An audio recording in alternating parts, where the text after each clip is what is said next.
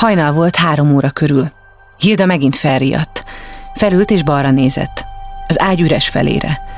Ott volt a párna, a takaró, de nem feküdt benne senki. Ma jött volna haza Zsolt. Úgy volt, hogy reggel a reptéren találkoznak. Visszabújt a takaró alá, és próbált csendesen zokogni. Nem akarta felkelteni a gyerekeket, Gerdát és Csomát, akiknek halk szuszogása átszűrődött a félig nyitott szoba ajtón. A kimerültségtől és a fájdalomtól egészen tompa volt. Végtelen ürességet érzett. Újra felidézte magában az elmúlt napok eseményeit. Annyira sűrű volt az utóbbi időben az életük. Miközben ezen morfondírozott, férje utolsó levelét kezdte elolvasni, amelyet Zsolt még az alaptáborból küldött. Így kezdte. Hildusom, szerelmem. A két szó élesen hasított Hilda tudatába. Soha nem szólította így a férje. Fura, hogy ezt eddig nem vette észre. Teljesen ledermett. Zsolt megérezte volna? Hilda férje, Erős Zsolt pár nappal korábban, miután elérte a föld harmadik legmagasabb hegyének csúcsát 2013 májusában, társával Kispéter hegymászóval örökre eltűnt a nepáli Kancsenzönkán. Sterzel Hilda alig 30 évesen lett özvegy, két kisgyerekkel.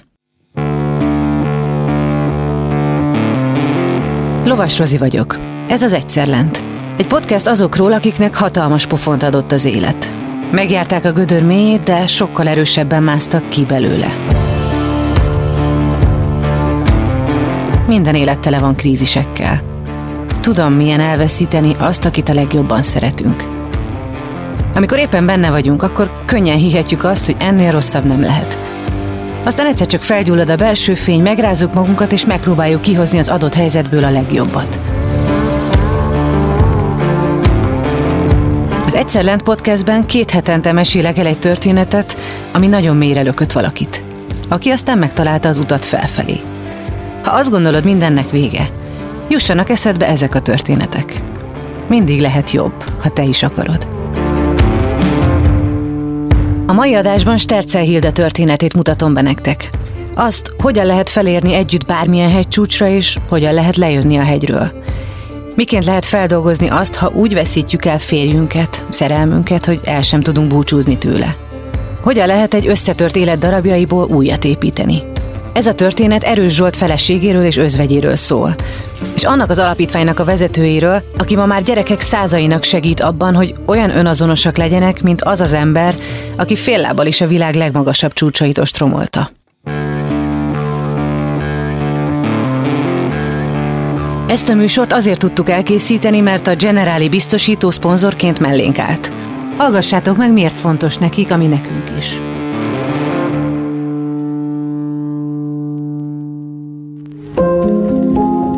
A leggyakrabban váratlanul a semmiből érkezik az a bizonyos pofon, ami a padlóra küld. Hosszú évek kemény munkájával megszerzett javak veszhetnek kárba egyik pillanatról a másikra, vagy egy családtag elvesztése boríthatja sötétbe a holnapot.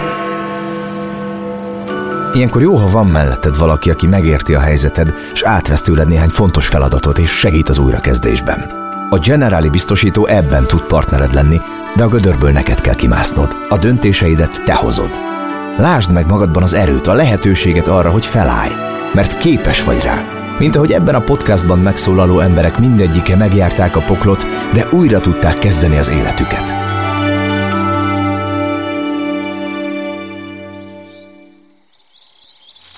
Hilda vidáman menetelt hegynek felfelé.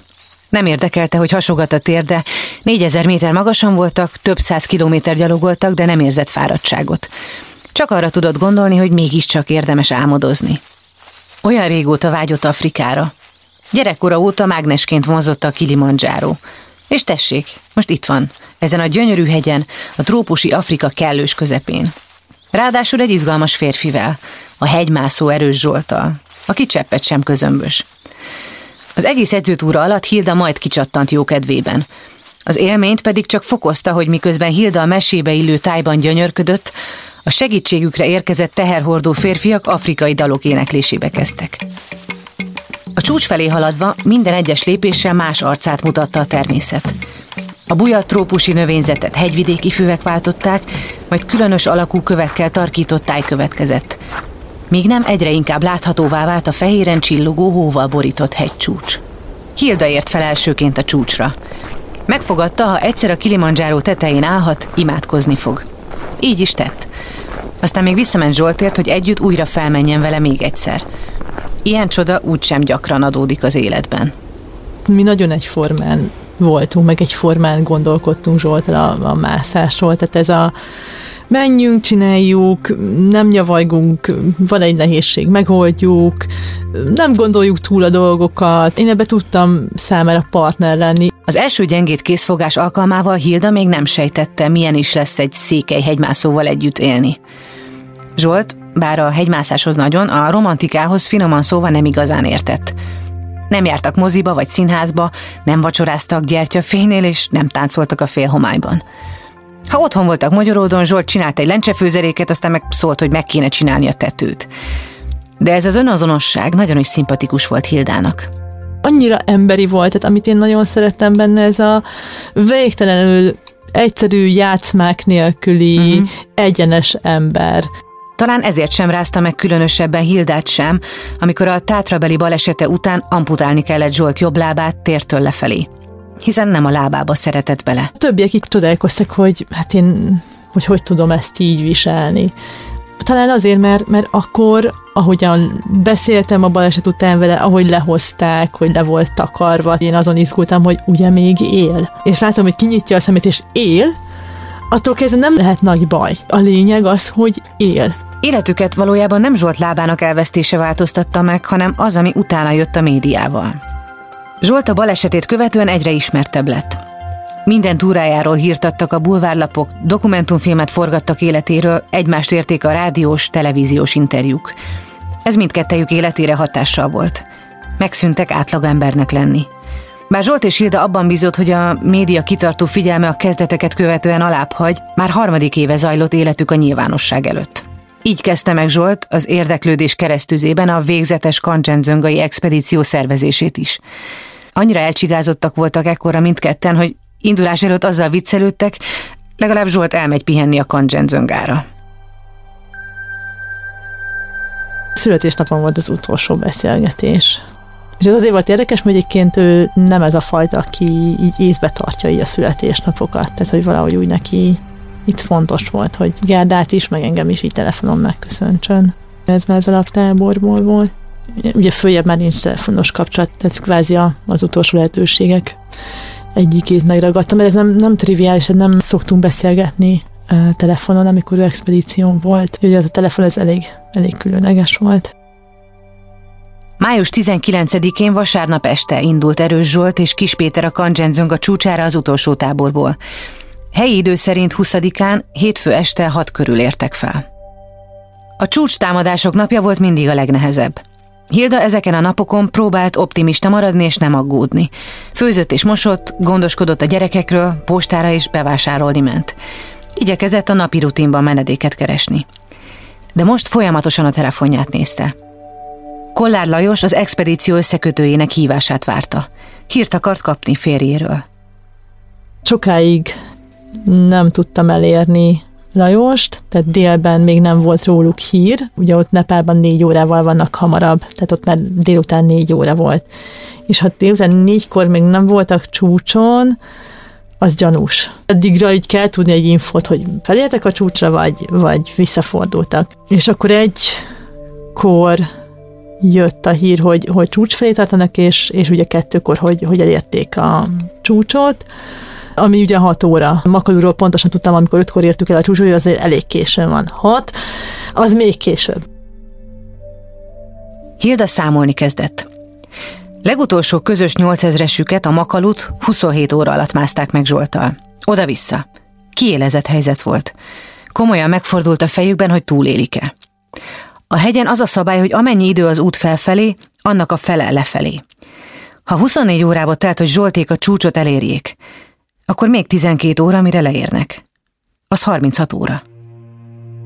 Na egykor már ugye, amikor ezt így összeraktam magamban, már gyomorgörcsön volt, és a, a szép még e, ebben az volt, hogy rögtön ki is jött a hírekbe, hogy ők megmászták. Ezt nem szokták közölni, de most általában sokkal óvatosabb ennél, meg szokták várni, hogy visszaérnek a mászok, pont azért, mert az a tuti, meg az a nyugis helyzet már. Csak hogy gyorsan híre ment a sikeres csúcs támadásnak. A média minden szeglete erről tudósított. Hilda épp a szüleinél volt látogatóban. A gyerekekkel sétált az utcán. Egy ismerős lépett oda hozzá és gratulált. Kedvesen megköszönte. Próbált nyugodt maradni, de belül fuldoklott. Nem kért a gratulációkból.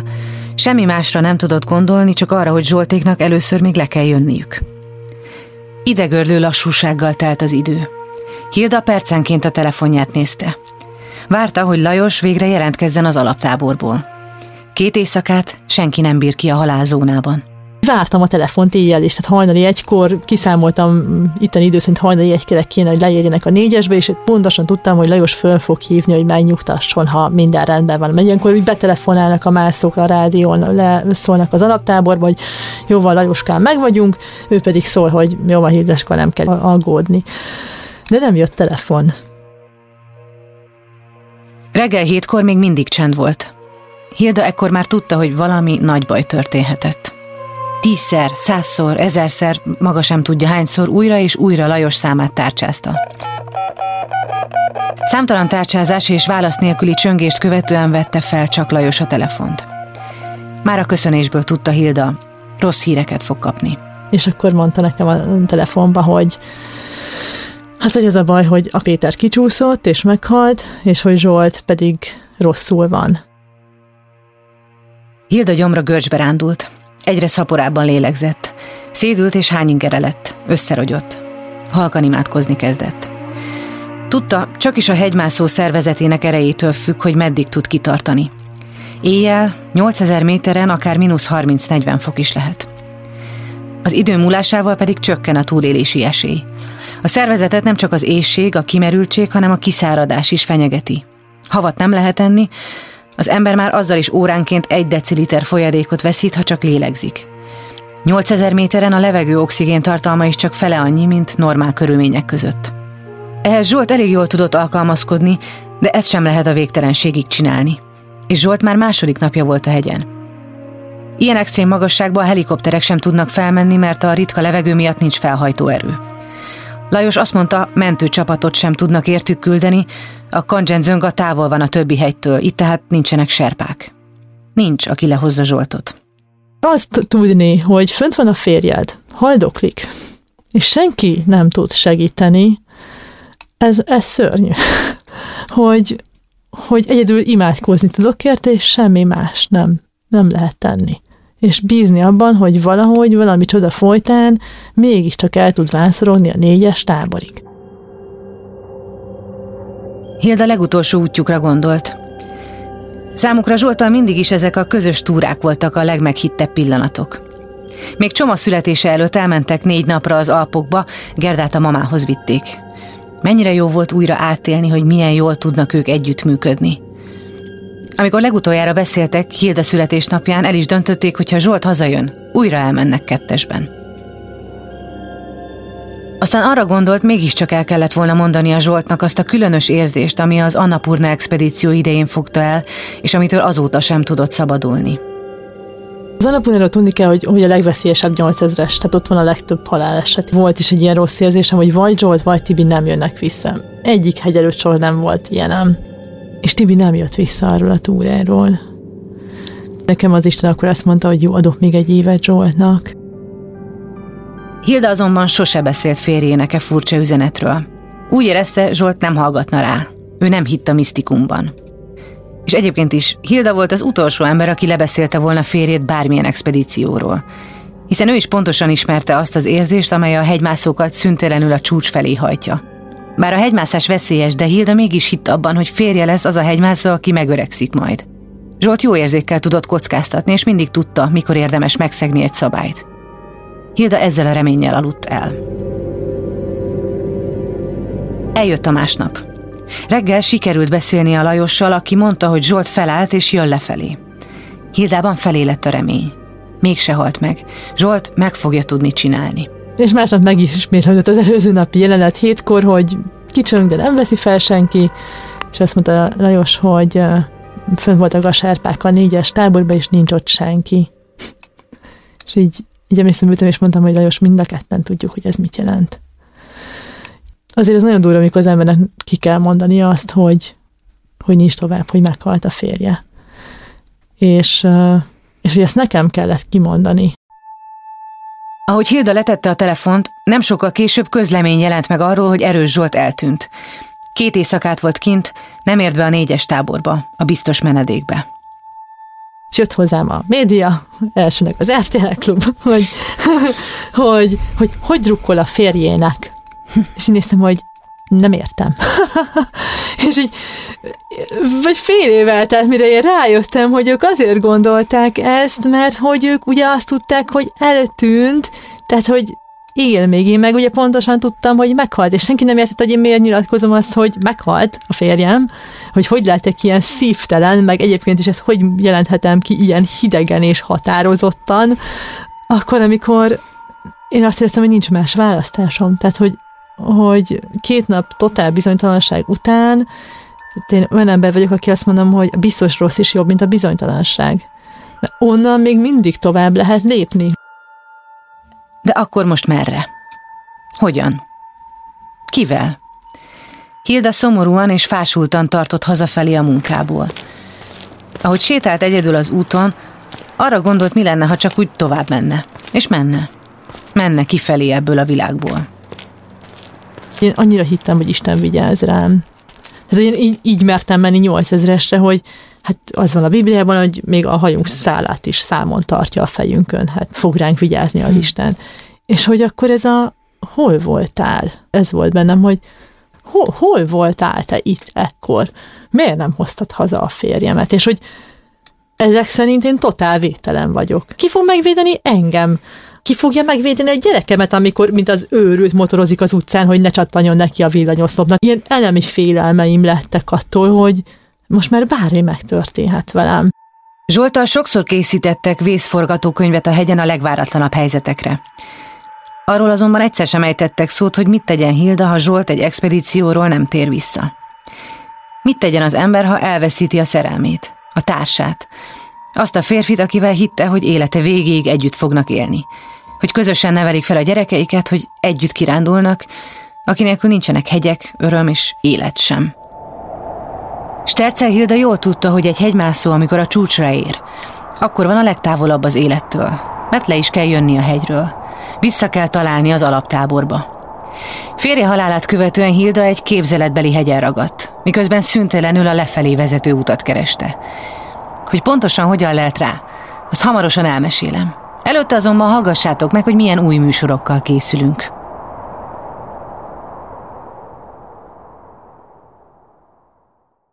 Beaton Studio. Neked mikor van időd olvasni? Hát ez egy nagyon jó kérdés. Tudod, hogy mikor? A reggeli sport után, szaunázás közben. Hello, olvasó! Van benne vérfertőzés? Pipa. Van benne alkoholista? Pipa. Van benne pedofilia? Pipa. Okádék az idő? Pipa. Kösz nem. Szabados Ági vagyok, és ez itt a Lapozza 99-re a Könyves Podcast. 24 órán belül a kártyaadósságot törleszteni kell. Aki ezt nem tudta megtenni, az főbelőtte magát. Vendégeimmel segítünk, hogyan válasz jól könyvet. Egy könyvet kiválasztani, az körülbelül olyan kihívás, mint hogyha azt mondtad volna, hogy mi a kedvenc ételem.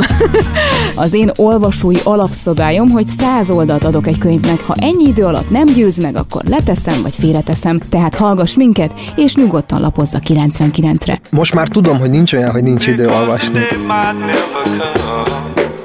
Beaton Studio. Te azért... tudod is menet közben, hogy ez most fájni fog a másiknak? Hát, hát azért írom. Ja, azért Tehát, írod? Persze. Sziasztok, én Kadarka Jendre vagyok, ez pedig a Felforgatók, egy podcast bátor magyarokról. Nem zene volt, hanem fütyüléztem. Ez egy üzenet volt, hogy fütyülök rá, amit mondasz.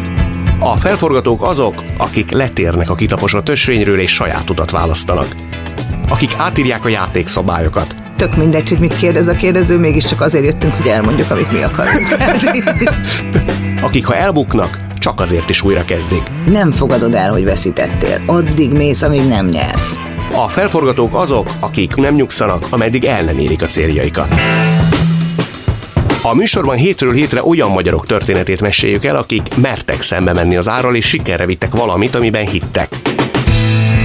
Vegyünk példát róluk, tanuljunk tőlük, legyünk minél többen felforgatók. Kövessetek bennünket, iratkozzatok fel a műsorra Spotify, Apple, Google Podcast lejátszótokon, vagy ahol jól esik. Még a rettenetes Superboys filmre is azt mondom, hogy sokat tanultam belőle. Na abból például mit? Hát, hogy ilyet nem szabad soha többet csinálni. Beaton Studio. Mielőtt folytatódik ez az epizód, hallgassd meg a Beaton podcast ajánlóját.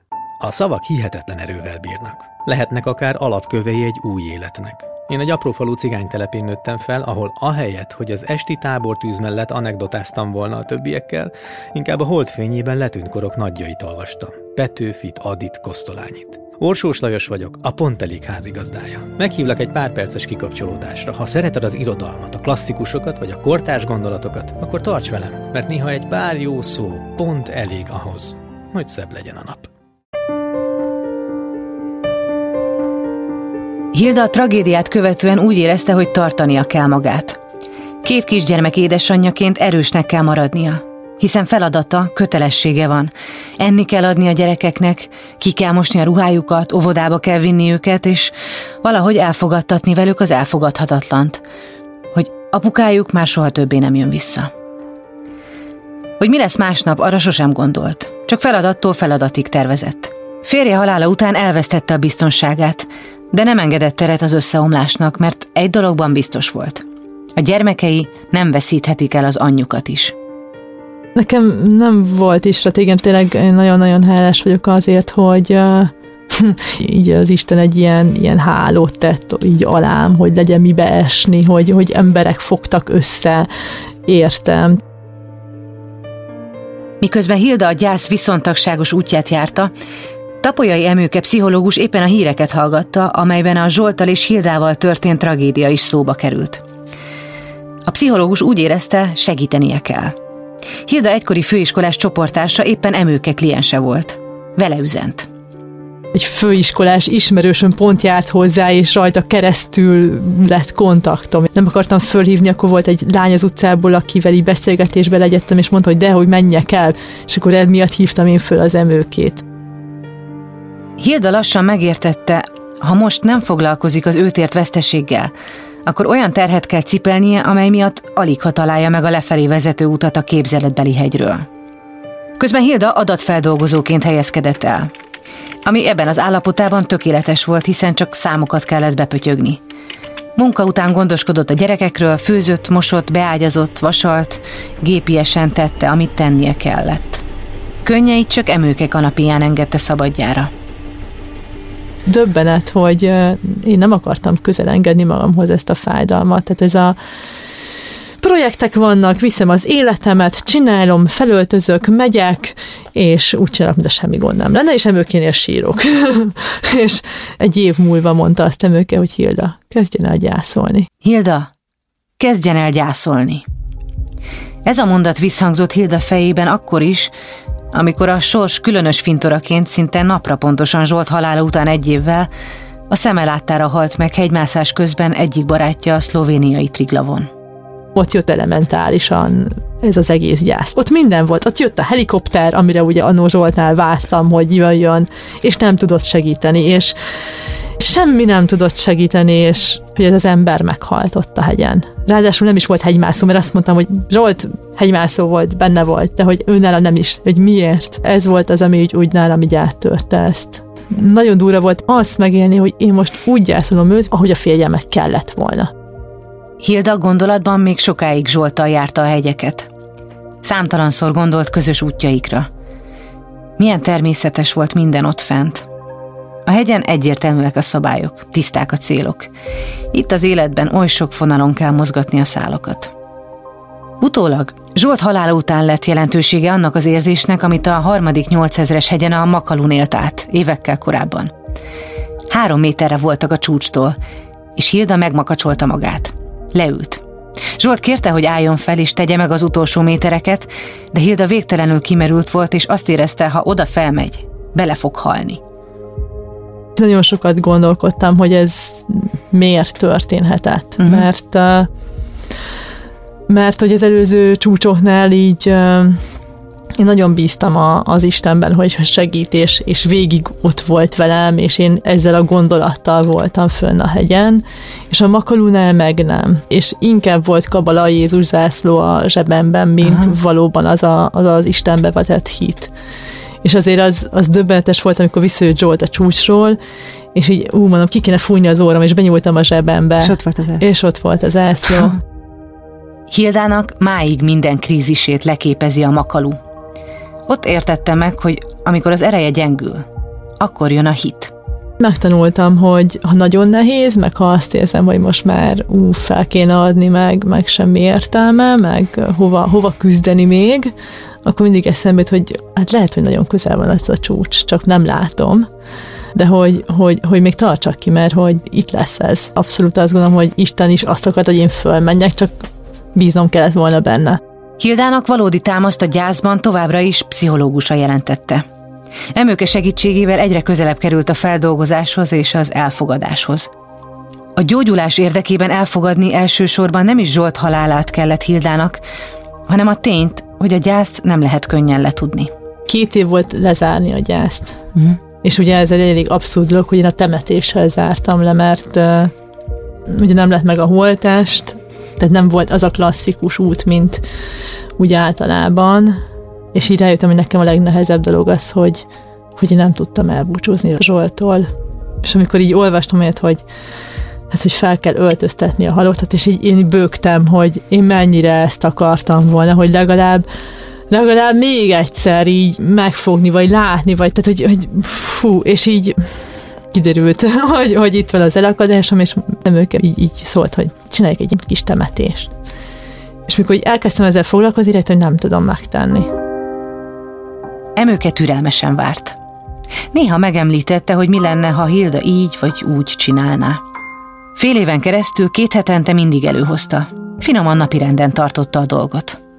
Annyira jó, hogy, hogy sosem lökött hogy hagyta megérni ez bennem, és amikor ez, ez megtörtént, úgy, ahogy, ahogy én szerettem volna, úgy, ahogy tényleg ilyen teljesen zsoltos volt, mert a gyerekem nyavajgott, hogy ő szomjas, a lufik, amiket elengedtek, a, a gyerekek fedagadtak a fán, tehát hogy ilyen teljesen ilyen olyan, olyan kis zsoltosan sikerült, de hogy senkit nem érdekelt, mert csak mi voltunk gyerekek, meg Júlia, aki hát gyakorlatilag ilyen tiszteletbeli nagynénink, meg Zsolt előtt mindig is jóba voltak, és még egy ember. Tehát végre, végre tudtam sírni, és végre ott tudtam hagyni valahol ezt az egészet. A gyász legnehezebb része Hildánál is az volt, hogy nem értette az okot, hogy miért velük történt ez a szörnyűség. Az is egy, egy ilyen fontos momentum volt, amikor, amikor Emőke azt mondta, hogy most már engedjem le a mi érteket. Uh-huh mert hogy hiába tudom meg az egyik miért a választ, az majd egy újabb miértet fog szülni, majd ott fönt megkapom rá a választ, hogy itt nem lesz rá válasz.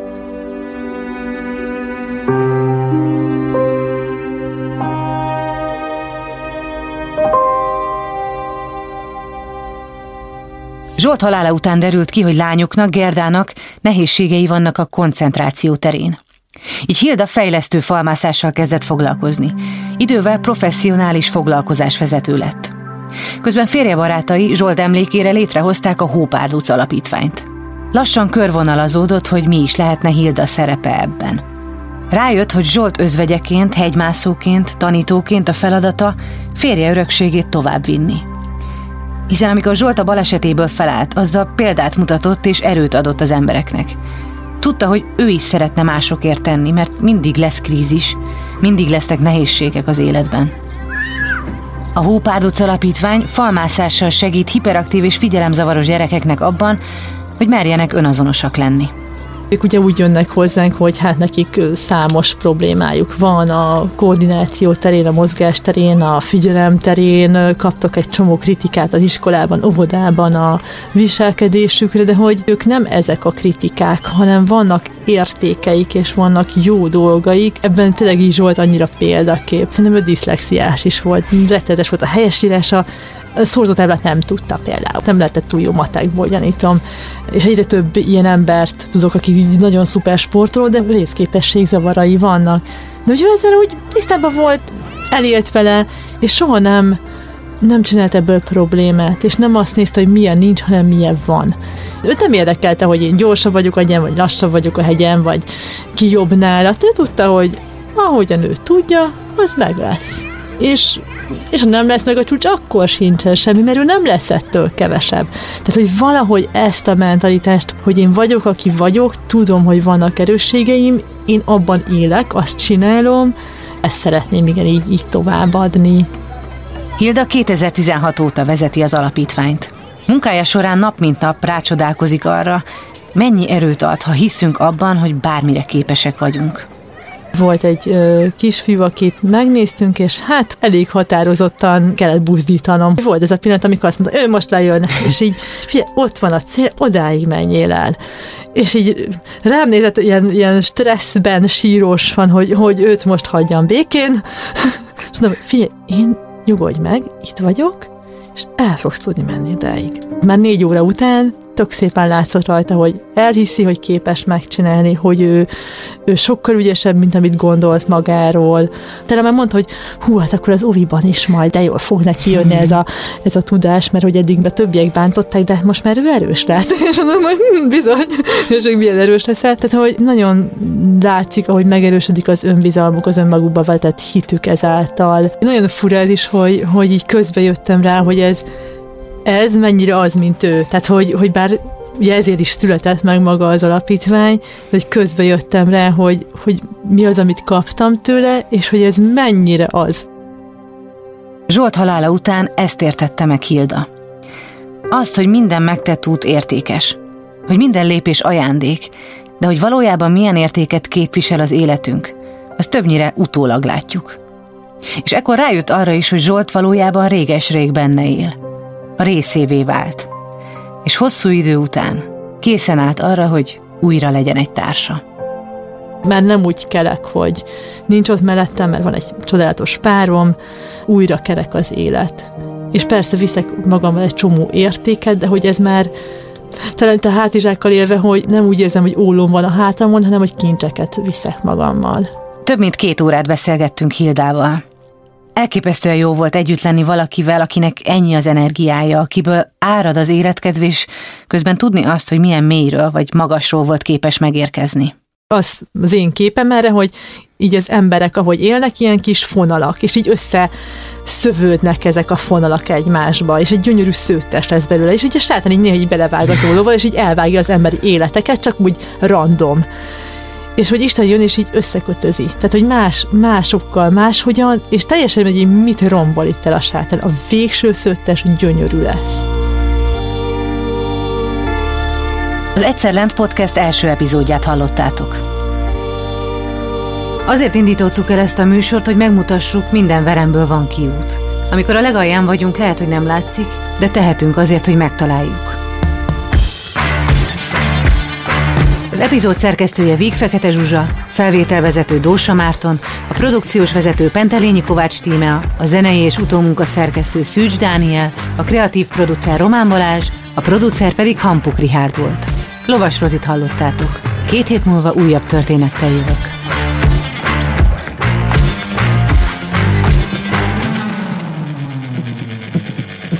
Beaton Studio. Ez egy Beaton podcast.